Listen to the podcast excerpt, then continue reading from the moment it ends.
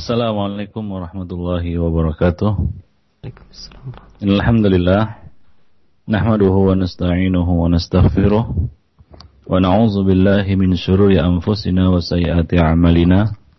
May yahdihillah fala mudhillalah wa may yudlil fala hadiyalah. Ashhadu an la ilaha illallah wahdahu la syarikalah wa ashhadu anna Muhammadan abduhu wa rasuluh. يا أيها الذين آمنوا اتقوا الله حق تقاته ولا تموتن إلا وأنتم مسلمون أما بعد فإن أفضل الحديث كتاب الله وخير الهدى هدى رسول الله صلى الله عليه وسلم وشر الأمور محدثاتها وكل محدثة بدعة وكل بدعة ضلالة وكل ضلالة في النار Ikhwani Fiddin, para pendengar yang berbahagia Azani Allah wa iyyakum jami'an. Alhamdulillah pada pagi ini kita dapat bertemu kembali di saluran yang berbahagia ini. Kita masih membahas eh, masalah-masalah yang berkaitan dengan agama kita. Ya sebagaimana biasa kita eh, mengkaji tentang eh, al-kabair yaitu dosa-dosa besar yang wajib kita hindari dan kita jauhi. Dan pada pagi ini kita akan melanjutkan Al-Kabiratu Ar-Rabi'atu wa Thalathun. Ya, uh, dosa besar yang ke-34. Dosa besar yang ke-34 yang akan kita bahas pada pagi ini adalah Ad-Dayyus. Ad-Dayyus Al-Mustahsin ala ahli ala ahlihi as-su. Dayus yaitu suami yang menganggap baik keburukan-keburukan yang dilakukan oleh keluarganya atau istrinya. Ini merupakan salah satu dosa besar yang dikenakan atas para suami. Yang dikenakan atas para suami, yaitu para suami yang tidak memiliki rasa cemburu terhadap istrinya. Yang membiarkan istrinya tenggelam dalam maksiat atau melakukan kemaksiatan ya seperti misalnya mengumbar aurat, bercampur baur dengan laki-laki atau terjerumus dalam e, fitnah-fitnah yang menjatuhkan kehormatan dan harga dirinya. Ini merupakan salah satu dosa besar dan merupakan ancaman ya khususnya tertuju kepada para suami. Ya, kepada para suami ya hendaknya mereka menghindari dosa besar ini yaitu ad-dayus janganlah kita menjadi suami yang dayus.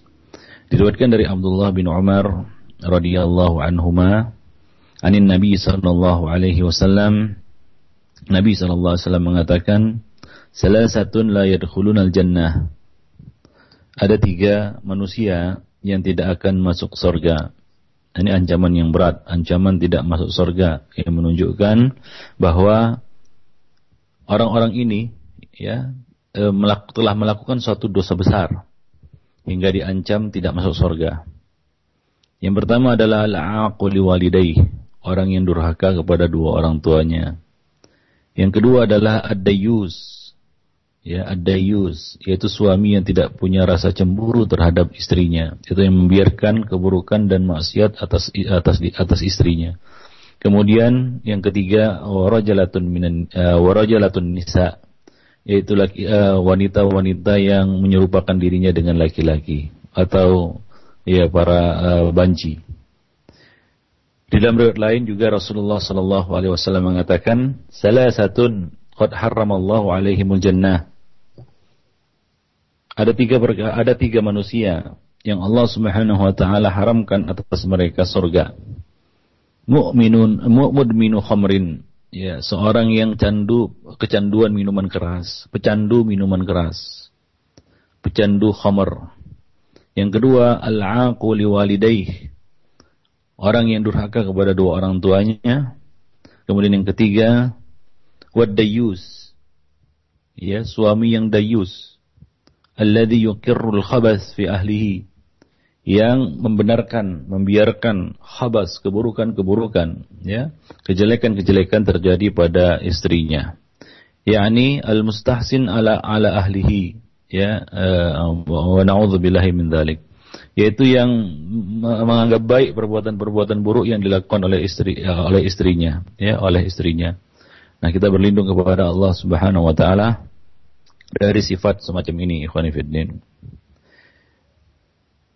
ini merupakan satu masalah yang sering menimpa para suami yaitu mereka tidak bisa menjaga amanah yaitu amanah yang dibebankan kepada mereka ya selaku kepala rumah tangga.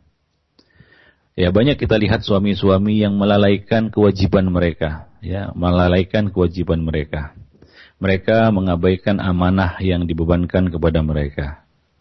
Kita harus menyadari sebagai pemimpin rumah tangga, ya pemimpin bagi istri-istri kita dan anak-anak kita, maka kita harus bersiap-siap mengemban amanat sebagai pemimpin seorang suami ya harus menyiapkan dirinya menjadi pemimpin yang baik. Ia harus melatih dirinya menjadi pemimpin yang baik. Memikul tanggung jawab dengan amanah, menanamkan jiwa kepemimpinan dalam dirinya, membuang jauh-jauh sifat kekanak-kanakan, sifat tak, uh, sikap tak mengerti tanggung jawab, atau acuh tak acuh terhadap ya, keluarganya, anak dan istrinya kita harus menyadari bahwa ketika kita menjadi seorang suami, ya, kita itu ibarat lokomotif. Ya, kita telah menjadi lokomotif. Yang di belakang kita telah menunggu gerbong-gerbong yang siap untuk dibawa. Jadi ingatlah ya para suami, janganlah jadi suami yang dayus. Ya ingatlah bahwa rumah tangga yang kita bina ini adalah sebuah amanah yang besar dan tanggung jawab yang besar yang harus kita pikul sebaik-baiknya. Ya sebuah amanah yang tidak boleh ya kita lakukan ataupun kita uh, terima dengan serampangan dan sesuka hati. Kita harus ingat ya bahwa tanggung jawab ini Allah Subhanahu wa taala akan menanyakannya kelak di hari akhirat. Ya Rasulullah sallallahu alaihi wasallam mengatakan, "Ala kullukum ra'in wa kullukum mas'ulu mas'ulun an ra'iyatih. Ya, ketahuilah bahwasanya setiap kamu adalah pemimpin dan setiap kamu akan dimintai tanggung jawab atas apa yang dipimpinnya. Kemudian Nabi Shallallahu Alaihi Wasallam mengatakan, warrajulu ra'in ala ahli baitihi. Seorang laki-laki, seorang suami adalah pemimpin atas keluarganya, yaitu anak dan istrinya wa huwa mas'ulun an ra'iyatih dan dia akan dimintai tanggung jawab atas apa yang dipimpinnya. Maka kita sebagai seorang suami wajib e, menjaga amanah ini dengan sebaik-baiknya.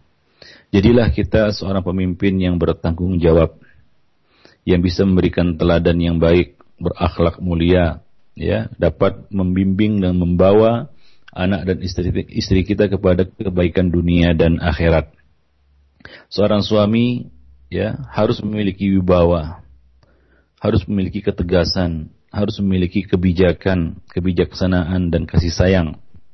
Mampu memimpin dan mampu mendidik ya istrinya dan juga anak-anaknya dalam rangka meraih ridha Allah Subhanahu wa taala. Menuntun mereka menuju keselamatan, menuju kebahagiaan hidup di dunia dan di akhirat ya dan menjaga amanah ini merupakan bukti dari keimanan. Rasulullah sallallahu alaihi wasallam mengatakan, "La imana liman la amanat talah." Tidak ada iman bagi orang yang tidak menjaga amanahnya. Hadis riwayat Ahmad dan disahihkan oleh Syalbani di dalam Sahihul Jami'. Ikhwani fi din azani Allah wa iyyakum jami'an. Salah satu amanah yang terbeban di pundak kita adalah kita wajib untuk mendidik istri kita. Ini adalah kewajiban ya seorang suami sebagai pemimpin ia bertanggung jawab menyelamatkan diri dan keluarganya dari keburukan hidup di dunia maupun di akhirat. Allah Subhanahu wa taala berfirman, "Ya ayyuhalladzina amanu qu anfusakum wa ahlikum nara wa quduhan nas wal hijarah." Wahai orang-orang yang beriman, jagalah dirimu dan keluargamu dari api neraka. Yang bahan bakarnya adalah manusia dan bebatuan. Wa nasu wal hijarah. Ayat ini memerintahkan kepada kita untuk menjaga diri ya dan menjaga keluarga anak istri kita dari ancaman api neraka. Yaitu dengan mendidiknya ya secara baik ya kepada uh, agama Allah ya menuntun dan membimbingnya agar bisa menjalankan syariat Allah Subhanahu wa taala dan melarangnya dari keburukan-keburukan dan apa-apa yang dimurkai dan dibenci oleh Allah Subhanahu wa taala. Agar dia terhindar ya menjadi seorang suami yang dayus, suami yang membiarkan keburukan-keburukan berlaku pada uh, istrinya. Berkenaan dengan tafsir ayat ini, Ali bin Abi Thalib mengatakan, yaitu ajarkanlah nilai-nilai kebaikan, ajarkanlah, tanamkanlah nilai-nilai kebaikan kepada dirimu, ya, dan kepada keluargamu. Dan penjagaan ini tidak mungkin dilakukan kecuali dengan pengajaran dan nasihat. Karena itulah Islam memerintahkan ya kepada para suami untuk memberikan pengajaran dan nasihat kepada istri ya dan ini juga agar dia terhindar dari sikap dayus tadi atau sifat dayus tadi dengan pengajaran dan nasihat itu diharapkan ya rumah tangga ini akan terhindar dari ke dari ke dari kegelapan dari kebodohan yang gelap gulita ya rumah tangga yang jauh dari sinar dan cahaya ilmu dan hidayah sehingga banyaklah terjadi kemungkaran-kemungkaran pelanggaran-pelanggaran syariat di dalamnya Nah, demikian. Sebaliknya, ia akan menjadi ia akan terang benderang dengan uh, oleh cahaya ilmu dan akhlak yang mulia sesuai dengan ajaran yang disyariatkan oleh Allah Subhanahu wa taala. Lebih-lebih lagi Allah Subhanahu wa taala telah memerintahkan kepada kita untuk memberikan peringatan kepada anak istri kita, kepada istri kita. Dalam firman-Nya surat Asy-Syura ayat 214, "Wa anzir 'ashiratakal aqrabin." ya berilah peringatan ya kepada anggota keluargamu yang terdekat. Dan keluarga kita yang terdekat adalah istri kita. Kalau kita lihat Rasulullah, beliau adalah teladan ya di dalam masalah ini. Ya apabila beliau berada di rumah, beliau membagi waktunya menjadi tiga bagian. Satu untuk Allah, satu untuk umat, dan satu lagi untuk keluarga beliau. Bagian untuk keluarga itu beliau manfaatkan untuk memberikan hiburan, perlakuan yang baik, pemenuhan kebutuhan, perhatian, pembinaan dan pengajaran kepada istri-istri beliau ya dengan apa-apa yang mereka butuhkan, pelajaran-pelajaran dan ya bimbingan-bimbingan yang mereka butuhkan. Rasulullah Shallallahu Alaihi Wasallam sangat memperhatikan pendidikan istri-istri beliau. Beliau mengajari mereka membaca dan menulis, agar mereka ini mudah menerima ilmu dan memahaminya. Ya, karena itulah beliau melarang siapa pun ya yang menghalangi kaum wanita datang ke masjid. Ya, beliau melarang ya uh, para suami meng, apa namanya melarang para istri ini untuk datang ke masjid ya agar mereka terbiasa dengan kebaikan-kebaikan dan bisa mendengarkan kebaikan-kebaikan itu di masjid. Demikian. Rasulullah Shallallahu Alaihi Wasallam mengatakan la tamna'u ima Allah masajid Allah. Janganlah kalian menghalang-halangi hamba-hamba Allah yang wanita pergi ke masjid. Dan banyak lagi hal-hal lain yang semakna dengan ini. Ya Rasulullah memuji para wanita yang semangat menuntut ilmu. Maka dari itu para suami juga harus ya menumbuhkan uh, di dalam uh, apa namanya uh, kepada istrinya uh, semangat untuk menuntut ilmu, semangat untuk mempelajari agamanya agar dia dapat mengerti apa-apa saja yang wajib dilakukannya dan apa-apa saja yang harus dijauhinya. Ya, dan dengan demikian ya ia akan terhindar dari keburukan-keburukan, mengerti batas-batas syariat, mengerti apa-apa saja yang boleh dilakukannya. Nah, kita lihat sekarang ini banyak ya kita katakan istri yang tidak mengerti cara menutup aurat yang baik dan suami membiarkannya. Suami karena kebodohannya juga dan istri juga karena jauh dari ilmu, ya melakukan hal ya kita katakan yang jelas melanggar syariat, misalnya membuka aurat. Ya disebabkan si istri tidak tahu bagaimana cara menutup aurat yang benar. Atau ya melakukan hal-hal yang dimurkai oleh Allah dan Rasulnya. Ya seperti kita lihat masih banyak para para istri ini yang keluar dari rumahnya dengan mengenakan parfum ya dengan mengenakan parfum padahal ini ancamannya adalah laknat dari Allah dan Rasulnya ya nah demikian nah ini adalah satu perkara yang diharamkan nah apabila suami membiarkan istrinya keluar ya bersolek memakai parfum membuka aurat maka ia tergolong suami yang dayus suami yang uh, telah membiarkan ya kemungkaran-kemungkaran terjadi pada istrinya. Nah demikian, tidak ada lagi rasa cemburu di dalam hatinya terhadap istrinya. Istrinya menjadi uh, apa namanya kita katakan konsumsi ya, ya, yang bebas dilihat oleh ya siapa saja mata laki-laki ya, ya siapa saja yang yang mau melihatnya. Nah demikian. Jadi ini merupakan suatu perkara yang ya tidak boleh terjadi ya ya di dalam rumah tangga. Nah itu disebabkan karena suami ya mengabaikan ya, pendidikan kepada istrinya, ya tidak memberikan uh, kita katakan bimbingan dan pengajaran yang baik kepada istri. Ya, ikhwan fillah azni Allah wa iyyakum jami'an. Ya, jadi para suami ini wajib untuk memberikan bimbingan, ya menyampaikan ilmu pengetahuan yang mereka dapatkan ya dari majelis-majelis ilmu ya kepada para istri, ya kepada istri-istri mereka.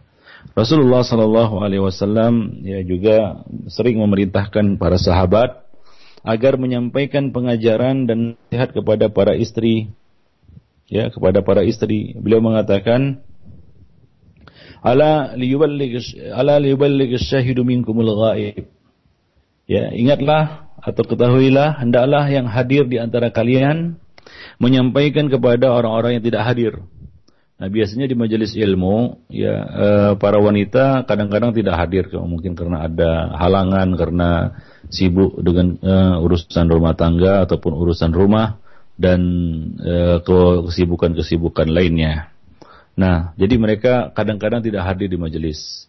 Ya hanya suami-suami mereka saja yang hadir di majelis. Nah para suami ini wajib untuk menyampaikan apa yang mereka dapatkan di majelis ilmu ini kepada para istri. Ya yaitu menyampaikan ilmu pengetahuan yang mereka dapat ya kepada para istri sebagaimana dulu para sahabat mereka menyampaikan ilmu pengetahuan yang mereka dapatkan dari Rasulullah ya para sahabat adalah orang-orang yang paling antusias ya di dalam melakukan pesan Nabi tersebut. Mereka sangat memperhatikan pengajaran istri-istri mereka. Ya mereka mengajarkan apa-apa yang mereka dapat dari Rasulullah sallallahu alaihi wasallam. Baik itu berupa ayat ayat Al-Qur'an ataupun hadis-hadis Nabi. Ya seperti yang diriwayatkan oleh Sofiyah binti Syaibah ya radhiyallahu anha ia mengatakan ketika kami tengah bersama-sama Aisyah eh, ketika kami tengah bersama-sama dalam satu eh, majelis ya Aisyah menyebut-nyebut keutamaan orang eh, perempuan-perempuan Quraisy. Ia berkata, Sesungguhnya perempuan-perempuan Quraisy itu memiliki keutamaan. Demi Allah, saya tidak melihat perempuan seperti perempuan Ansar dalam hal membenarkan kitabullah dan beriman kepadanya.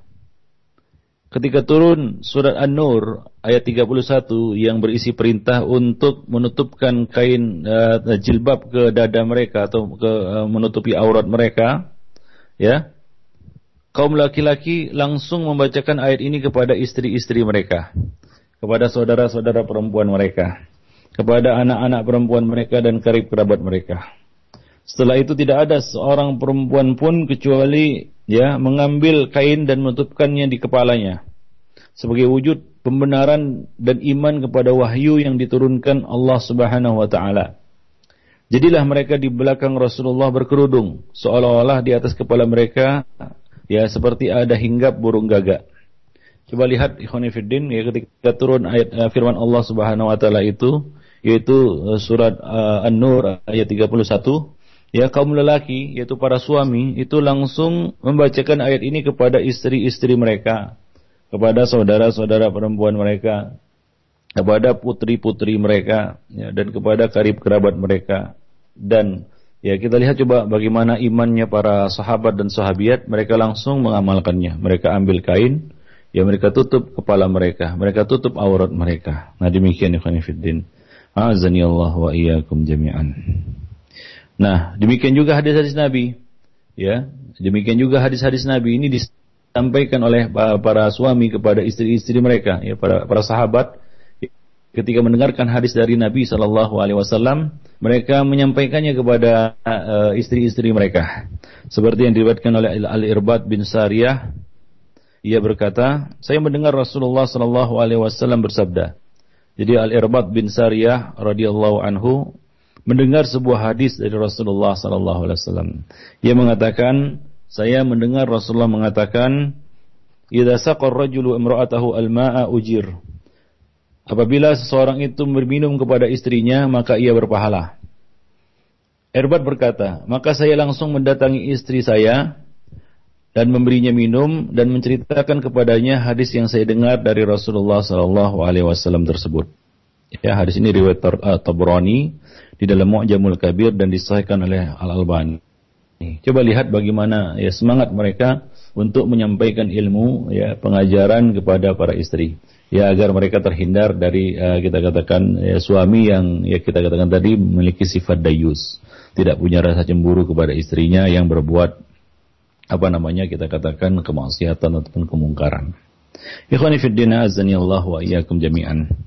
Sebagai seorang suami, ya, kita harus memiliki rasa cemburu. Tapi cemburu yang terpuji tentunya, bukan cemburu buta yang membabi buta tanpa alasan. Nah, ini tentunya tidak dibenarkan juga. Namun dia harus memiliki kecemburuan. Ya, kecemburuan ini adalah masalah yang sangat sensitif.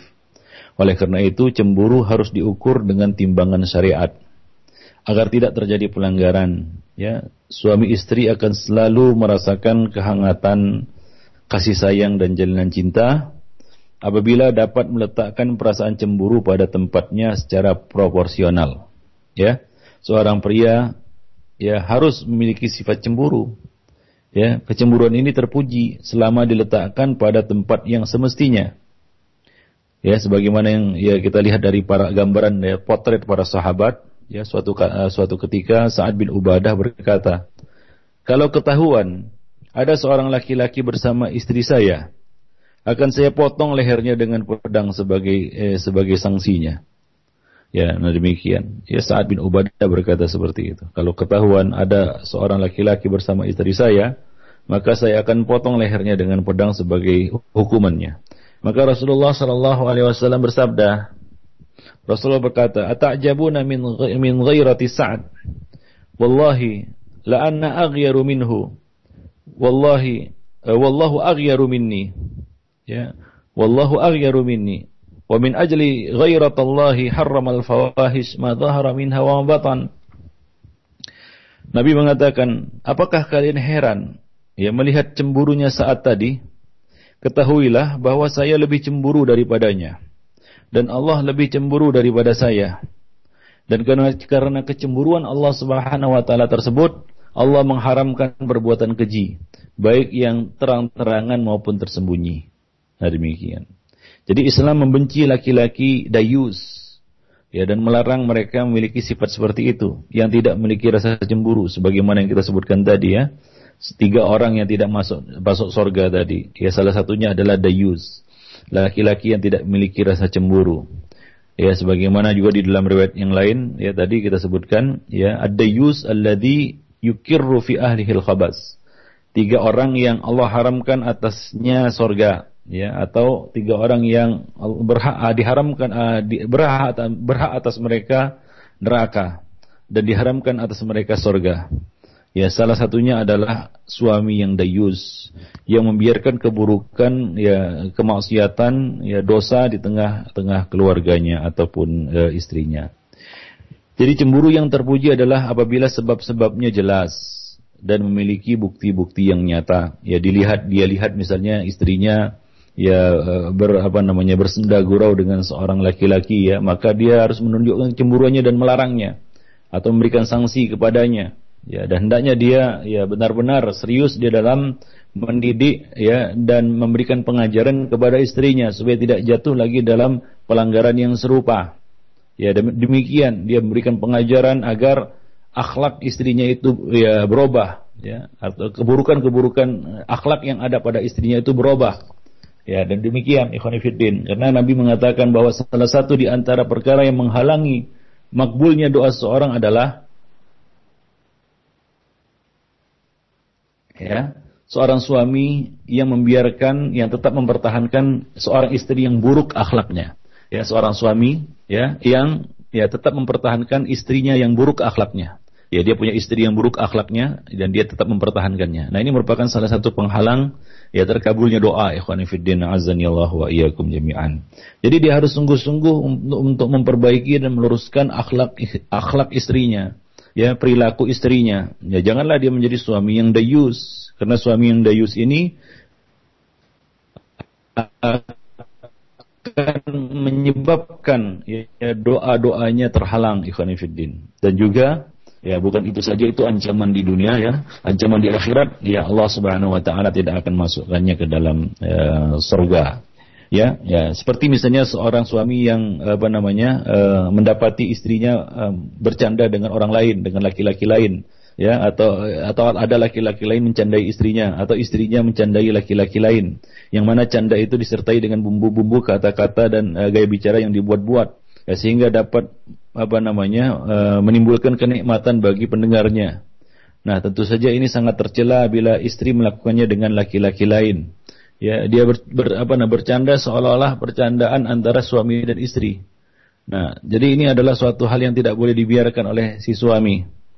Nah, demikian. Adapun cemburu yang tercela adalah cemburu yang dibangun atas dasar persangkaan dan kira-kira belaka. Ya, dugaan-dugaan yang ya bersifat dusta. Nah demikian. Ya seperti misalnya berlebih-lebihan di dalam menafsirkan ucapan, gerakan, sikap dan lain sebagainya. Atau ya dia menduga tanpa bukti, ya menuduh tanpa bukti. Nah ini adalah cemburu yang yang yang tidak terpuji tentunya ya. Ini namanya cemburu buta. Ya, sedangkan laki-laki dayus adalah suami yang tidak menjaga kehormatan istrinya. Ya tidak acuh, ya atau acuh tak acuh saja tanpa tersinggung sedikit pun. Meskipun mendapati istrinya misalnya bersolek ya, dan memakai parfum ketika akan pergi ke tempat umum, ya uh, atau memamerkan rambutnya, memperlihatkan tubuhnya bercampur bercampur aduk, bercampur baur di majelis dengan laki-laki atau mungkin berjabat tangan dengan lawan jenisnya, berbicara dengan gerakan-gerakan yang dibuat-buat untuk menarik perhatian orang lain dan seterusnya. Atau membiarkan istrinya keluar rumah untuk berkarir ya dan itu menyebabkan ia jatuh dalam fitnah ya menyebabkan dia jatuh di dalam fitnah. Nah demikian Ikhwanifiddin hingga dia tidak dapat menjaga kehormatan dirinya membiarkannya keluar keluyuran pada malam hari ya, tidak jelas atau tidak mengerti batasan-batasan mahram Misalnya dia enak saja bercanda dengan ya, kita katakan dengan iparnya ya ataupun dengan ya laki-laki yang bukan mahramnya. Nah, dan demikian. Ya, atau misalnya dengan sepupunya misalnya itu dia haram, itu mahramnya ya. Nah, demikian sepupunya. Nah, kadang-kadang dia nggak ngerti, dia dia anggap ini ya saudara sepupu. Padahal itu bukan mahram, ya. Nah, demikian. Taib. Nah, jadi ini adalah hal-hal yang harus diperhatikan oleh si suami ya hendaknya dia mm, apa namanya memperhatikan dan mengawasi istrinya. Ya tidak bisa kita mengikuti gaya hidup modern. Ya suami ya urusan suami istri ya urusan istri. Nggak boleh apa namanya istri mencampuri uh, suami mencampuri urusan istrinya. Nah ini adalah satu gaya hidup yang tidak benar menurut syariat Islam. Ya sebagaimana kita sebutkan tadi bahwa laki-laki itu suami itu adalah pemimpin Ya, jadi jangan dia biarkan istrinya itu menjadi pemimpin di dalam rumah tangganya dan ini juga merupakan salah satu bentuk dayus, dayasa, yaitu membiarkan istrinya memimpin di dalam rumah tangga, ya. Nah, demikian. Ya, hingga akhirnya si suami tidak bisa mencegah, melarang ataupun meluruskan penyimpangan yang terjadi pada istrinya. Nah, ini banyak kita dapati ya rumah tangga, rumah tangga yang seperti ini kondisinya dan ini tidak benar. Ikhwan fillah azani Allah wa jami'an.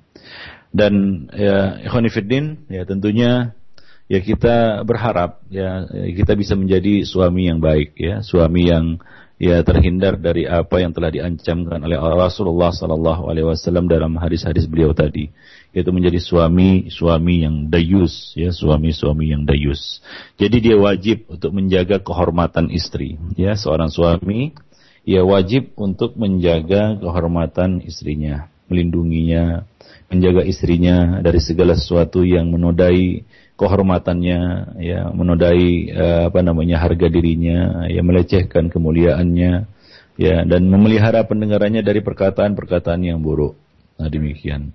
Nah, sikap ini merupakan sikap cemburu yang ya disukai oleh Allah Subhanahu wa taala. Ya, inilah sikap cemburu yang terpuji. Sikap cemburu yang disukai oleh Allah Subhanahu wa taala sebagaimana yang disebutkan di dalam hadis Rasulullah sallallahu alaihi wasallam.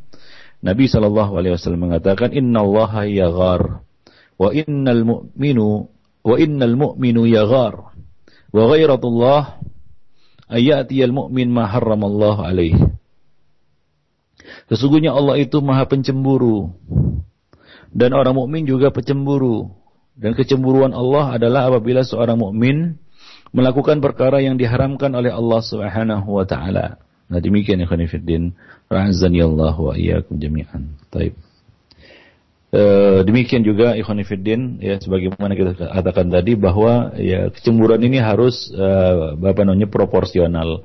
Ya, jangan e, berlebih-lebihan atau janganlah ya kita katakan cemburu buta tanpa alasan ya nah itu juga tidak eh, tidak baik ikhwan ya itu juga tidak uh, dianjurkan atau, atau ataupun tidak di, uh, dibenarkan di dalam syariat ini. Nah demikian ikhwan fillah azani Allah wa iyyakum jami'an. Taib. Nah di dalam riwayat lain disebutkan bahwa ya hukuman ya bagi para dayus ini adalah ya Allah Subhanahu wa taala tidak akan melihat mereka pada hari kiamat. Nabi mengatakan dalam uh, hadis uh, Ibnu Umar radhiyallahu anhu, ya salah satu la yanzurullah ilaihim yaumal qiyamah. Tiga orang yang Allah Subhanahu wa taala tidak akan melihat mereka pada hari kiamat. Ya, salah satunya adalah ad-dayyus, yaitu para suami yang tidak memiliki sifat cemburu. Ya dayyus. Nah, para sahabat ya uh, ketika mendengar sabda Nabi Shallallahu alaihi wasallam ya, yaitu hadis Ammar bin Yasir bahwa Nabi mengatakan salah satu la yadkhulunal jannah abadan tiga orang, tiga golongan manusia yang tidak akan masuk surga selama-lamanya. Ya. Salah satunya adalah Nabi mengatakan yang pertama ada yus, suami yang tidak punya rasa cemburu kepada istrinya. Ya.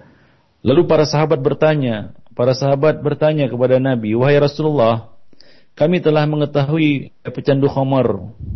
Namun siapakah dayus itu?"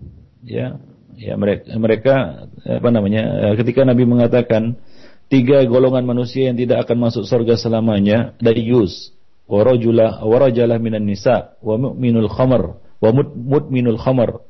Ya pertama dayus yang kedua wanita yang bertingkah laku seperti laki-laki dan yang ketiga penjadu khamar. Para sahabat bertanya wahai Rasulullah kami sudah mengetahui apa itu siapa itu pecandu khamar? Ya namun siapakah dayus itu Siapakah dayus itu? Maka beliau menjawab, Rasulullah sallallahu alaihi wasallam menjawab, "Alladzi la yubali man dakhala ala ahlihi." Dayus itu adalah suami yang tidak mempedulikan siapa laki-laki yang masuk menemui istrinya.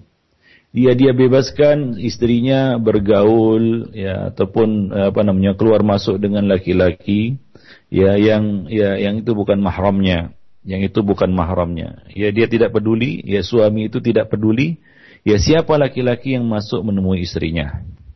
Maka para sahabat bertanya lagi, ya lalu siapakah wanita yang kelaki-lakian itu? Maka beliau mengatakan alladzi tusabbihu birrijal, yaitu wanita yang menyerupai ya kaum pria. Dan ini masalah ini sudah kita bahas pada pertemuan yang lalu ya pada dosa besar yang ke-32 ya tentang uh, apa namanya eh, laki-laki uh, yang menyerupai perempuan dan perempuan yang menyerupai laki-laki. Dan itu termasuk salah satu dosa besar. Ya nah demikian. Jadi di sini Rasulullah menjelaskan bahwa salah satu di antara orang-orang yang tidak masuk surga adalah alladzi la yubali man dakhala ala ahlihi alias dayus. Yaitu suami yang tidak mempedulikan siapa laki-laki yang masuk menemui istrinya. Siapa laki-laki yang masuk menemui istrinya Ya, siapa laki-laki yang berhubungan dengan istrinya? Yang apa namanya yang uh, keluar masuk ya menemui istrinya. Nah, jadi kita harus uh, kita katakan punya hak. Ya, punya hak dan bahkan itu merupakan kewajiban uh, suami untuk melarang ya istri bergaul dengan orang-orang yang tidak disukainya. Ya, ataupun orang-orang yang apa namanya yang ya, dibencinya. Ya, dan istri wajib untuk menaati suami di dalam hal ini ya wajib untuk menati suami di dalam hal ini. Apalagi ya laki-laki itu adalah laki-laki yang bukan mahram. Laki-laki yang mahram saja kalau suami melarang, nah itu wajib untuk ditaati istri. Apalagi laki-laki itu bukan mahram. Nah demikian. Jadi eh, istri ya harus menaati suami di dalam bab ini. Dan suami wajib memberikan teguran ya, atau memberikan peringatan ataupun sanksi kepada istri yang membiarkan laki-laki masuk menemui dirinya tanpa seizin si suami ya karena ini merupakan pelanggaran berat. Nah, kalau si suami membiarkannya bahkan terkesan eh, apa namanya merestuinya ya bahkan dia semacam seolah-olah tidak mau tahu, tidak peduli, maka inilah yang digolongkan sebagai suami yang dayus, ya suami yang dayus, ya. Nah demikian. Nah selain ya suami harus cemburu kepada istrinya, ia juga dituntut untuk berlaku adil dalam menyikapi rasa cemburu tersebut, ya. Hendaknya suami tidak terlalu berburuk sangka kepada istri, ya tidak terlalu membatasi ruang gerak, ya, ya ruang gerak istrinya serta tidak menghitung-hitung ataupun mencari-cari kesalahannya ya karena semua itu dapat merusak keharmonisan di dalam hubungan suami istri. Nah demikian ikhwan fillah azanillah jami'an. Artinya apa? Artinya cemburu itu harus proporsional. Ya harus ada alasan yang jelas. Ya harus apa namanya dilihat dari tinjauan syariat ya yang jelas seperti yang kita singgung tadi. Ya ghirah tadi harus ghirah yang yang terpuji, bukan ghirah yang uh, kita akan tercela. Ya, nah demikian. Ya, Jabir bin Atik ya, pernah meriwayatkan dari eh, bahwa Rasulullah Shallallahu Alaihi Wasallam ya pernah bersabda, "Minal ghirah, minal ghirah, ma yuhibbullah, wa minha ma yubghidullah." Ada kecemburuan yang disukai oleh Allah dan ada pula kecemburuan yang dibenci oleh Allah. Ya minal ghirah ma yuhibbullah wa minha ma yubghidullah. Jadi cemburu itu ada dua jenis ada cemburu yang disukai oleh Allah dan ada pula kecemburuan atau cemburu yang dibenci oleh Allah Subhanahu wa taala. Fa ammal ya adapun cemburu yang disukai oleh Allah Subhanahu wa taala ya fal ghairah fir ribah adalah kecemburuan yang disebabkan kecurigaan yang dibenarkan. Ya ada ada kecurigaan ini, ya maka ya seorang suami berhak untuk cemburu atau bahkan wajib untuk cemburu ya dia lihat ya si istri misalnya ada menerima orang lain laki-laki lain. Nah maka dia berhak untuk cemburu dan menanyakan. Nah kalau itu pelanggaran syariat maka dia harus melarangnya memberikan teguran yang keras kepada istrinya dan untuk tidak diulangi pada kesempatan yang lain ya pada waktu yang lain ya. nah demikian. Atau di lain waktu tidak mengulangi perbuatannya itu. Ya wa ammal ladzi wa ammal ghairah allati Allah. Adapun ya cemburu yang ya, dibenci oleh Allah Subhanahu wa taala ya cemburu yang dibenci oleh Allah Subhanahu wa taala. Fal fi ghairi ribah. Ya adalah cemburu tanpa ada kecurigaan tanpa ada alasan yang jelas. Ya. Wa inna minal khuyala ma yubghidullah wa minha ma yuhibbullah.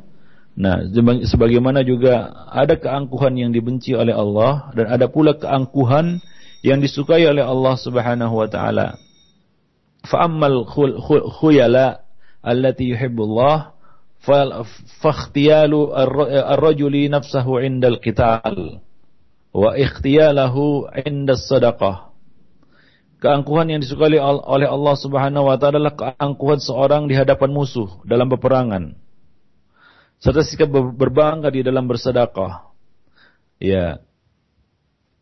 Wa amma alladhi yubghidullah fa ikhtiyaluhu fil baghi wal fakhr. Adapun keangkuhan yang dibenci oleh Allah Subhanahu wa taala adalah merasa bangga ketika berbuat aniaya, berbuat dosa dan kezaliman dan uh, dan ketika memiliki kelebihan, ya, ketika memiliki kelebihan berbangga-bangga dengan kemegahan. Ini keangkuhan yang dibenci oleh Allah Subhanahu wa taala. Nah, demikian ikhwan fillah rahimani wa rahimakumullah. Jadi, ya keangkuhan ya, afwan ke kecemburuan itu ada dua macam. Ada ke kecemburuan yang disukai oleh Allah Subhanahu wa taala dan ada kecemburuan yang dibenci oleh Allah Subhanahu wa taala. Ya, kecemburuan yang disukai oleh Allah Subhanahu wa taala adalah kecemburuan yang beralasan. Ya, kecemburuan yang berasal dari kecurigaan yang beralasan. Ya, seperti yang kita sebutkan tadi, misalnya dia melihat istrinya ya keluar rumah tanpa menutup aurat ya atau berbicara dengan laki-laki lain ya ya kemudian mungkin ya istri apa namanya ya sekarang ini misalnya BBM-an dengan laki-laki lain ya ataupun SMS-an dengan laki-laki lain, ya Facebookan dengan laki-laki lain, dia wajib untuk cemburu dan curiga. Dan ini adalah kecemburuan yang beralasan. Ya, karena itu dapat men, um, apa namanya membawa kepada keburukan, baik keburukan atas istrinya maupun atas rumah tangganya.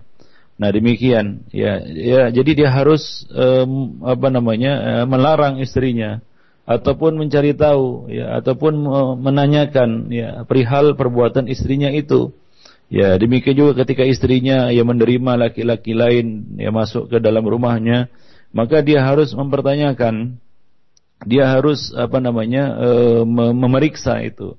Nah ini adalah kewajiban suami, ya, dan si istri tidak boleh ya berbicara, ya, misalnya dia mengatakan, Oh, ah, ini kan urusan saya. Ya, kamu jangan ikut campur. Nah, ini adalah suatu ya, kita katakan sikap dan gaya hidup yang salah ya ini umumnya terjadi di kota-kota besar ya sua, uh, istri ya seolah-olah punya posisi yang sederajat dengan suami ya dia punya hak dia punya apa namanya punya kuasa nah ini nggak boleh terjadi di dalam rumah tangga. Ingat bahwasanya suami itu adalah pemimpin ya. Nah dan suami ya bertanggung jawab atas apa yang dipimpinnya. Ya dia berkewajiban untuk mengetahui apa yang terjadi di dalam rumah tangganya. Dan dia tidak boleh uh, apa namanya tutup telinga dan uh, acuh tak acuh tak peduli tak mau tahu terhadap apa yang terjadi pada istrinya. Nah itu tidak dibenarkan. Dan dia apabila melakukan seperti itu bisa jatuh kepada ad-dayasa ya menjadi suami yang dayus seperti yang kita sebutkan tadi. Nah demikian ikhwan fillah azanillah wa iyyakum jami'an. Nah demikianlah ya para pendengar yang berbahagia. Ya salah satu di antara dosa besar yang diharamkan oleh Allah Subhanahu wa taala yang uh, apa namanya yang dilarang oleh syariat adalah ya seorang suami yang memiliki sifat dayasa atau dayus. Nah demikian ya uh, yaitu suami yang membiarkan keburukan-keburukan terjadi ataupun berlaku di tengah-tengah keluarganya ya, atau uh, berlaku pada istrinya ya atau apa namanya uh, putra uh, putri-putrinya. Nah demikian yang tidak mempedulikan ya laki suami apa istrinya bergaul dengan siapa laki-laki mana pun.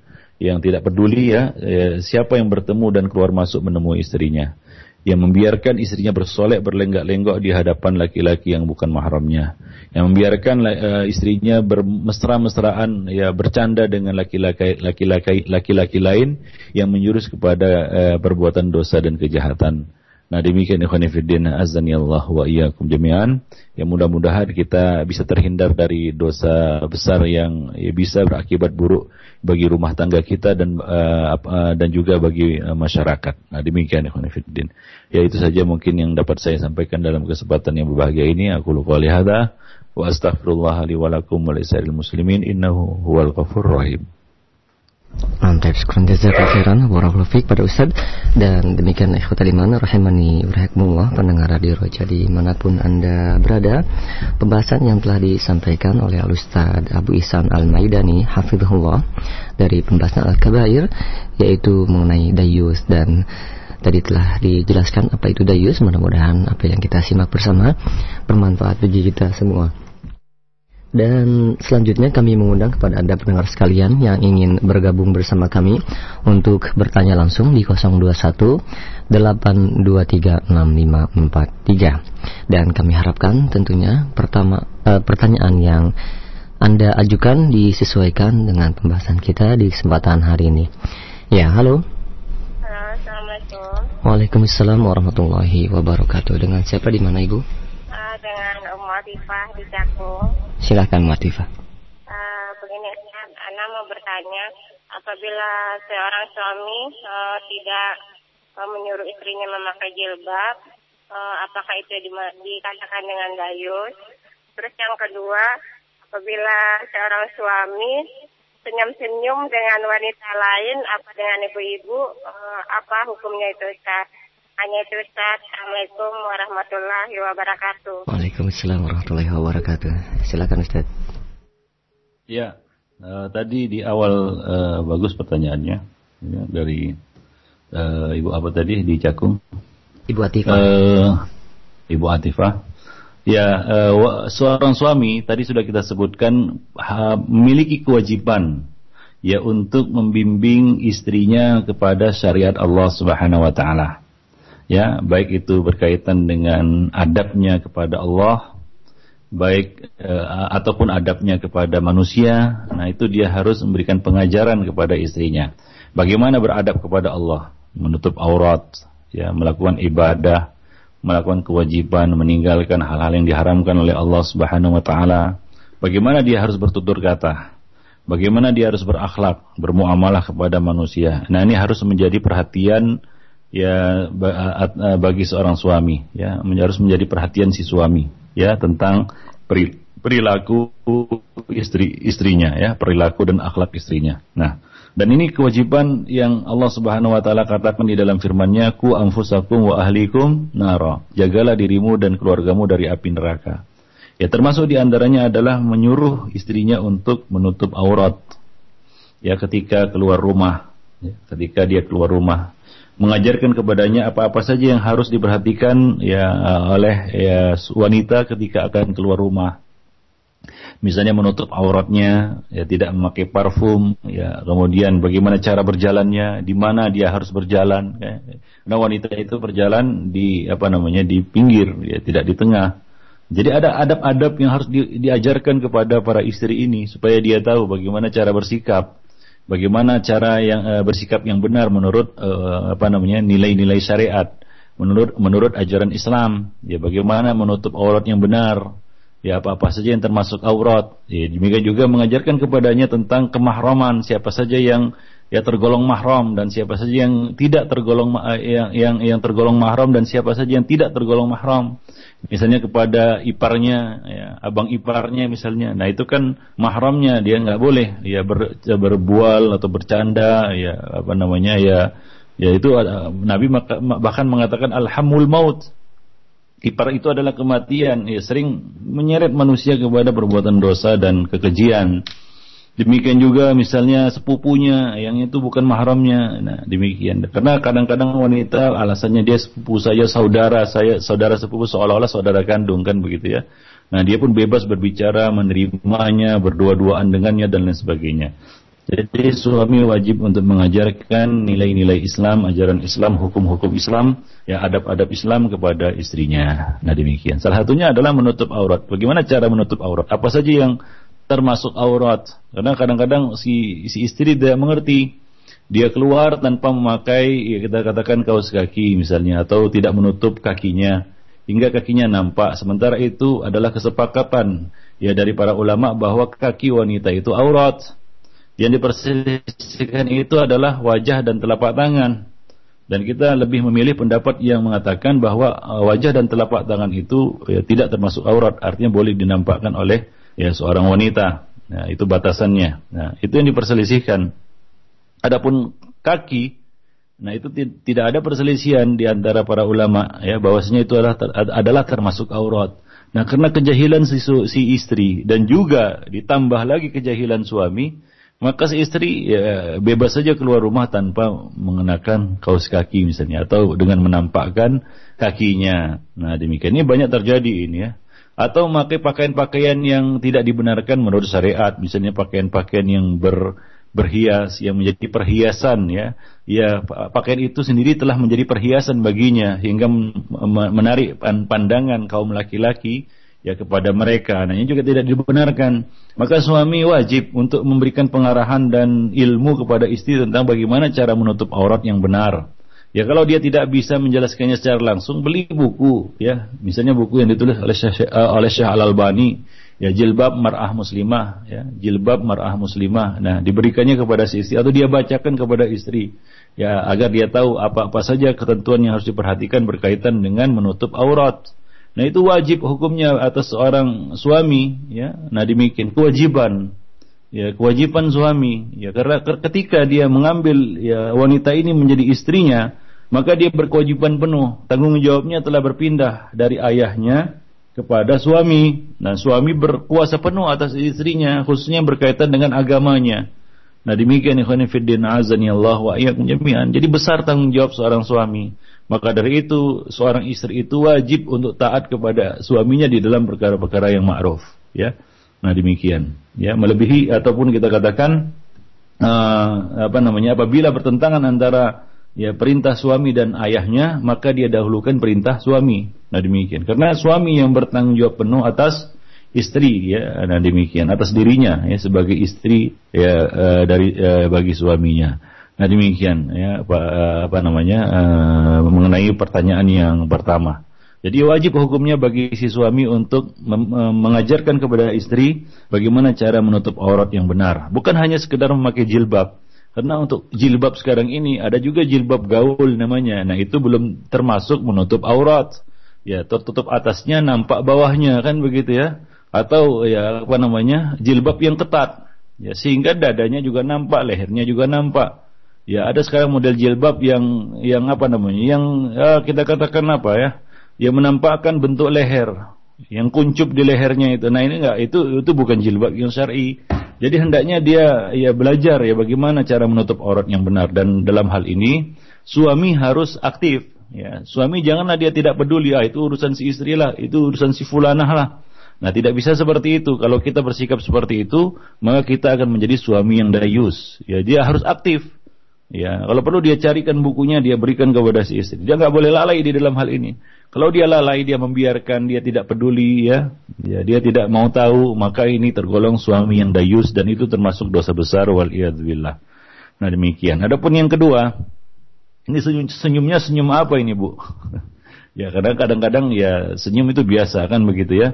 Tapi kalau ini senyum ya senyum yang luar biasa kan begitu ya, ya mengundang ya mengundang ya hal-hal yang negatif, maka itu tidak boleh ya. Nah demikian ya ya apa namanya? Ya kalau senyum ya biasa. Ya, setiap kita bertemu dengan seorang ya kita senyum ya. Nabi juga mengatakan ya eh, la tahkiranna minal ma'rufi syai'an walau antal ahqa biwajhin talik. Nah kadang-kadang itu refleks saja bukan dibuat-buat atau bukan ada maksud tertentu. Tapi kalau senyumnya senyum apa namanya senyum ya yang mengandung makna ya ada tertentu ada rayuan di situ maka ini haram hukumnya. Nah demikian. Demikian juga hendaknya membatasi bercanda dengan eh, wanita-wanita yang bukan uh, mahramnya ya. Nah demikian. Nah itu dapat yang menumbuhkan juga rasa cemburu di, di hati istri kan begitu ya. Ya misalnya si suami asik uh, kita katakan Facebookan dengan wanita lain ya bukan juga istrinya kan begitu wanita lain. Nah ini juga akan menimbulkan keretakan di dalam rumah tangga dan para suami harus menjauhi ini. Para suami juga harus menjaga kecemburuan istrinya, ya menjaga kecemburuan istri. Ya janganlah dia apa namanya bersikap seenaknya saja. Ya, nah demikian sebagaimana kita laki-laki punya rasa cemburu, maka istri juga punya perasaan yang sama. Nah, nah demikian. Jadi bersikap bijaklah di dalam hal ini. Ya, nah sengaja menyulut kecemburuan istri baik dengan kata-kata maupun perbuatan ini adalah perilaku yang tidak baik dan tidak terpuji. Nah demikian ikhwan fillah azani Allah wa iyyakum jami'an. Taib. Nah, sekarang jazakallahu khairan. Ya, sekarang jazakallahu atas jawabannya Ustaz dan selanjutnya kami beralih di pesan singkat. Ada beberapa pertanyaan senada di antaranya dari Abdullah di Jakarta dan Ummu Fulan yang tidak disebutkan namanya. Ya Ustaz, uh, apa sikap yang paling bijak di dalam Islam ketika mengetahui seorang istri berzina. Apakah boleh seorang suami melakukan tindakan kepada orang yang telah menzinahinya melakukan tindakan tersendiri dan apakah uh, harus diceraikan langsung? Silakan Ustaz. Ya ini adalah suatu fitnah yang besar, musibah yang besar juga ya yang seharusnya tidak seharusnya tidak tidak terjadi hal seperti ini di dalam rumah tangga. Ya harus diantisipasi. Nah demikian. Ya ada dua dua masalah di sini. Yang pertama bila apabila itu terjadi ya merupakan bentuk tindak kejahatan kepada istri. Ya misalnya ya eh, maaf cakap misalnya diperkosa lah gitu ya. Maka ini tentunya masalahnya lain ya. Kita harus ya prihatin dan menunjukkan apa namanya eh, kasih sayang kepada ya istri selaku korban dan mudah-mudahan kita tidak tertimpa fitnah seperti ini ya. Kita mohon kepada Allah agar tidak diberi beban yang tidak bisa kita pikul. Nah demikian ikhwan fillah azani Allah jami'an ya. Nah juga eh, kita wajib melaporkan hal ini kepada pihak yang berwajib ya dalam hal ini ya polisi ataupun pihak aparat ya untuk melakukan tindakan ya sesuai dengan hukum yang berlaku di sini. Nah, kemudian jika itu terjadi atas dasar suka sama suka, ya artinya si istri ini berbuat serong, ya berzina, kita katakan berzina, ya maka ikhwanifiddin azani Allah wa iyyakum jami'an ya ya pertama kita ya apa namanya uh, coba lihat ini mungkin akibat dari dosa kita. Ya, mungkin kita lalai mendidik istri hingga terjadilah ya kita katakan dosa ya, yang buruk seperti itu ya. Perbuatan yang buruk seperti itu. Itu tidak terlepas mungkin dari kesalahan kita juga. Di dalam mendidik istri ya. Di dalam uh, membimbing istri. Nah kemudian yang kedua ya uh, kita berikan uh, apa namanya ya itu ada uh, pilihan ada di tangan kita antara ya menceraikannya ataupun apa namanya me mempertahankannya tapi lebih bagus di sini adalah memberikan uh, teguran yang keras berupa ya kita katakan uh, menceraikannya begitu. Apabila tidak uh, menimbulkan mudarat yang lebih besar ya anak-anak uh, dan lain sebagainya. Nah, kemudian ya tentunya kita ya berhak untuk melaporkan perbuatan nista itu kepada ya wajib bahkan wajib mungkin melaporkan hal itu kepada pihak yang berwajib agar ya apa namanya memberikan tindakan ya atas perbuatan yang buruk itu. Nah, wallahu alam bisawab. Nah kita ya tentunya berharap ya, semoga hal-hal seperti ini tidak terjadi ya. Nah karena kalau sudah terjadi ya, itu sangat susah untuk apa namanya bersikap atau bertindak ya atau menentukan sikap di dalam uh, masalah-masalah uh, seperti ini ya. Wallahu alam bisawab. Nah demikian. Nah, baik. Terima kasih banyak atas jawabannya Ustaz dan masih di pesan singkat yang kedua ada pertanyaan dari seorang ibu di Kalimantan Timur. Uh, Barakallahu fiik. Ya Ustaz, uh, tadi telah dijelaskan mengenai dayus yaitu seorang kepala keluarga yang membiarkan anggota keluarganya berbuat maksiat. Nah, bagaimana bila posisinya terbalik yaitu seorang istri yang membiarkan suaminya berbuat maksiat atau kemungkaran dan hal ini tidak diingkari oleh seorang istri. Apakah, apakah hal tersebut juga bisa dikatakan sebagai dayus? Oh, ya tidak, tentunya tidak. Ya, uh, di, dayus ini adalah sifat yang ditujukan kepada uh, para suami, ya bukan kepada para istri. Namun demikian, ya para istri juga uh, punya kewajiban ya untuk menyampaikan nasihat karena agama ini adalah nasihat, ad-dinun nasihah. Ya, kita punya kewajiban juga amar ma'ruf nahi mungkar. Ya, kita menjadi umat yang terbaik karena kita ya memiliki sifat ta'muruna bil ma'ruf wa tanhauna 'anil munkar. Ya'muruna bil ma'ruf wa yanhauna 'anil munkar. Kita adalah kaum ataupun umat yang menegakkan amar ma'ruf nahi nahi munkar. Nah, demikian. Ya, begitu pula apabila uh, kita dapati suami kita berbuat kemungkaran, maka kita wajib untuk menyampaikan nasihat. Sebagaimana halnya nasihat-nasihat yang kita berikan kepada kaum muslimin yang lainnya. Bahkan suami adalah orang yang paling berhak untuk mendapatkan nasihat dari kita. Nah demikian Allah alam bisawab. Tapi dia tidak tergolong ada use ya. Nah demikian. Nah, sekarang jazakallahu khairan dan selanjutnya kami beralih kembali di line telepon di 0218236543 ya. Halo. Halo. Halo. Ya, Assalamualaikum. Ya, mohon dikecilkan terlebih dahulu mu di uh, volume radionya. Halo. Ya, mohon dikecilkan terlebih dahulu ataupun atau dimatikan saja radionya, didengarkan via radio. Assalamualaikum. Waalaikumsalam warahmatullahi wabarakatuh. Dengan siapa di mana? Dengan Ibu Ika. Di? Di Jatiasi. Silakan Ibu Ika.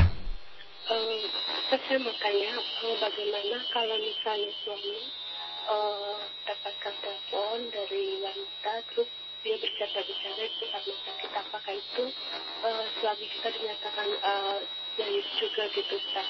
Uh, itu aja Terima kasih. Assalamualaikum warahmatullahi wabarakatuh. Waalaikumsalam warahmatullahi wabarakatuh. Ya, mungkin pertanyaannya mirip dengan pertanyaan sebelumnya, Ustaz. Apa itu? Ya, itu, saya kurang nangkep, Ustaz. Iya, uh, seorang suami uh, dilihat istrinya sedang menelpon dengan seorang wanita katanya dan apakah juga dapat dikatakan sebagai dayus? Ya, mirip dengan pertanyaan yang sebelumnya, Ustaz. Ya, uh, suami ya kita katakan pertama ya janganlah kita ya curiga dulu ya. Ya apa namanya apabila e, tidak ada indikasi ataupun eh, faktor-faktor e, yang menguatkan kecemburuan apa namanya kecurigaan itu. Ya mungkin ya kita berbaik sangka dulu ya. Mungkin itu apa namanya e, rekan kerjanya kan begitu ya. Atau siapa yang punya atau keluarganya mungkin atau orang yang punya hubungan bisnis dengannya. Ya selama tidak ada indikasi yang menimbulkan kecurigaan. Nah demikian. Jadi kita harus berbaik sangka dulu bu ya terhadap suami kita. Janganlah kita mengedepankan ya apa namanya buruk sangka ya. Nah demikian. Nah, karena kadang-kadang ya kalau dia ngangkat telepon dari uh, seorang wanita ya selama ya bicaranya normal saja dan kita tahu pembicaraan itu bukan pembicaraan yang maksiat ya tidak ada tidak ada yang perlu kita cemburukan di situ ya dan ini termasuk cemburu yang kita katakan tidak disukai oleh Allah Subhanahu wa taala, cemburu yang dibenci dan hal cemburu-cemburu seperti ini bisa merusak keharmonisan rumah tangga. Nabi tadi sallallahu alaihi wasallam mengatakan bahwa uh, wa ammal ghirah allati yubghiduha Allah fal ghirah fi ghairi riba. Ya, adapun cemburu yang dibenci oleh Allah Subhanahu wa taala adalah cemburu yang tidak beralasan, ya, fi ghairi riba, tidak ada kecurigaan di situ. Nah, kecuali ada indikasi yang kuat mengarah ke situ. Ya misalnya dia bermesra-mesraan ya, ataupun tidak pada waktunya jam 3 malam kan begitu hal-hal yang di luar kewajaran. Ya, menimbulkan kecemburuan. Ini mungkin perlu dipertanyakan dan diberikan nasihatlah kepada suami-suami seperti ini.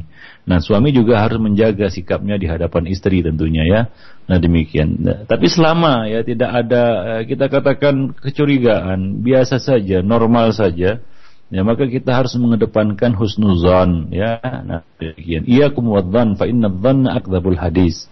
Ya hati-hatilah hindarilah banyak berprasangka karena ya prasangka itu adalah uh, sedusta-dusta perkataan. Nah demikian. Sama seperti tadi ya suaminya dia dapat disenyum kepada seorang wanita. Ya mungkin senyumnya ya spontan saja kan.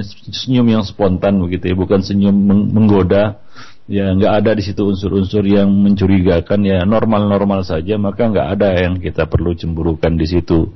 Nah ini nggak nggak termasuk di dalam bab dayus tadi. Allah alam bisawab nah demikian. Nah, khairan. Dan selanjutnya eh, mohon maaf kami beralih kembali di pesan singkat. Ada pertanyaan dari Fahrul Razi di Cibubur. Ya Ustaz, saya seorang yang baru mengenal sunnah kurang lebih itu satu tahun yang lalu dan kodarullah istri saya meninggal hampir dari satu setengah tahun yang lalu. Nah ketika masih hidup istri saya memang memakai jilbab karena ketidaktahuan saya uh, uh, apa jilbab yang dipakai itu memang tidak syar'i dan sering bersolek dan memakai farkul serta maksiat-maksiat yang lainnya dan saya pun tidak melarangnya. Nah setelah sepeninggal dia apakah uh, dosa yang akan uh, menimpa saya Ustaz. Uh, selama saya tidak melarang uh, istri saya selama hidupnya Ustaz. Mohon nasihatnya. Ya tentunya itu sudah berlalu ya kita bertaubat kepada Allah itu pertama. Kita harus sungguh-sungguh uh, bertaubat kepada Allah Subhanahu wa taala. Kita tidak melakukannya lagi. Ya kemudian kita berazam untuk tidak melakukannya lagi di kemudian hari. Kemudian kita menyesali apa yang telah terjadi ya nah demikian kalau kita sekarang punya istri maka bimbinglah baik-baik istri kita itu nah demikian yang kedua hendaknya kita menyadari bahwa akibat dari kebodohan itu sangat buruk Nah, kalau kita kaji-kaji, kenapa hal itu sampai terjadi? Itu disebabkan ketidaktahuan, alias kejahilan. Ya, alias kejahilan. Ya, kita lalai menuntut ilmu kita jauh dari ilmu. Itu yang membuat kita terperosok dalam lubang kemaksiatan, dosa, keburukan, kejahatan dan yang lain-lainnya itu, ya, kedoliman, bahkan mungkin ke kekufuran ya dan seterusnya ya. Itu disebabkan karena kejahilan kita. Maka setelah kita taubat ya agar ya taubat kita itu dikatakan taubat yang nasuha, taubat yang benar ya kita harus e, mengiringi ya, mengiringi taubat kita itu dengan amal soleh. Allah Subhanahu wa taala mengatakan illa man taba wa amana wa amila amalan solihah kecuali orang yang bertaubat. Lalu dia iringi taubatnya itu dengan iman dan amal soleh sebagai bukti dari taubatnya itu. Jadi tanda orang yang bertaubat itu adalah dia rajin menuntut ilmu. Ya dia rajin menuntut ilmu karena dia sadari bahwa ya, dia jatuh dalam dosa-dosa itu akibat dia jauh dari ilmu, akibat dia jauh dari ilmu, akibat kejahilannya.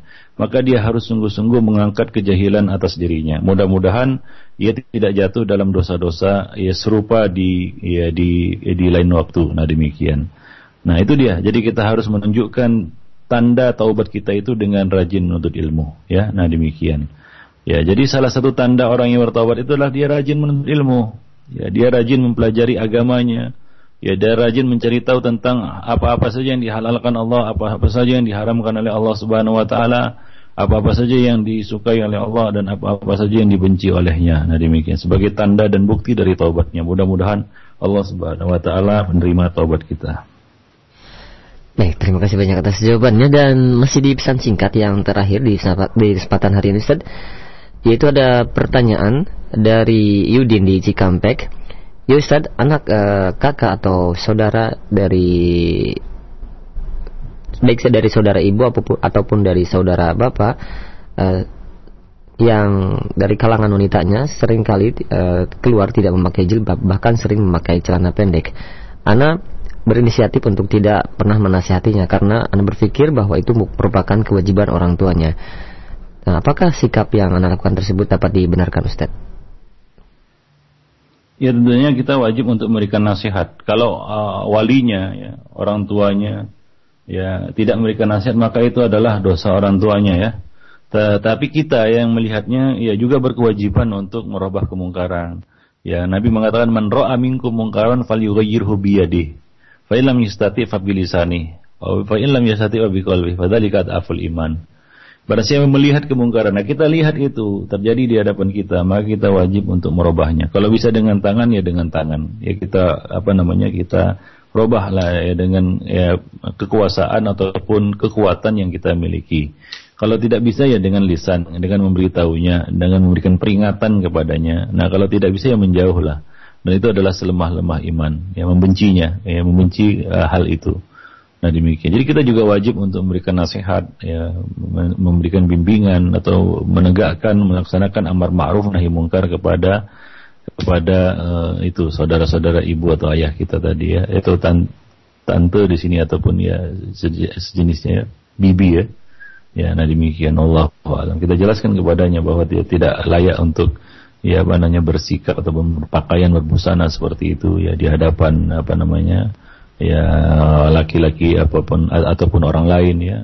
ya di hadapan wanita saja dia tidak boleh ber, e, berbuat seperti itu apalagi di hadapan laki-laki ya. Nah demikian. Wallahu alam bisawab baik. Pertanyaan tadi merupakan pertanyaan terakhir Ustaz dan mungkin ada satu kesimpulan yang dapat disampaikan. Silahkan Ya khanifiddina azani Allahu jami'an. Alhamdulillah pada pagi ini kita telah membahas apa namanya suatu uh, masalah yang ya juga penting ya ya berkaitan dengan dosa besar yaitu dosa besar uh, dayasa yaitu laki-laki ataupun suami yang tidak punya rasa cemburu kepada ya, keluarganya ya istrinya. Nah ini merupakan salah satu dosa besar yang diancam oleh Rasulullah SAW dengan ancaman yang pertama dia tidak akan masuk surga.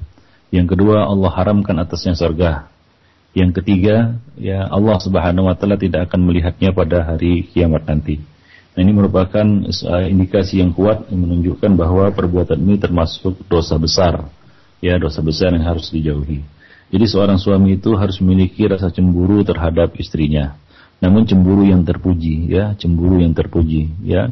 Ya, apa namanya? Ya, ketika dia melihat istrinya melakukan perbuatan kemungkaran, ya seperti misalnya ya istrinya uh, uh, apa namanya bersolek memakai parfum ketika uh, keluar rumah ya memamerkan auratnya memamerkan rambutnya memperlihatkan tubuhnya mengenakan busana yang ketat atau memakai ya kita katakan pakaian yang tidak islami ya misalnya kita katakan pakaian yang menampakkan memamerkan bentuk tubuhnya ya atau dia bercampur aduk bercampur baur dengan laki-laki ikhtilat dengan laki-laki menerima laki-laki lain di dalam rumahnya berjabat tangan mungkin dengan lawan jenisnya berbicara dengan suara yang lemah gemulai kepada laki-laki lain maka si suami harus memberikan teguran dan larangan kepada ya, istrinya ini ya agar tidak melakukan perbuatan perbuatan seperti itu Nah, dia harus memberikan bimbingan ya kepada si istri agar mengetahui apa-apa saja yang boleh dilakukannya dan apa-apa saja yang harus dihindari dan dijauhinya.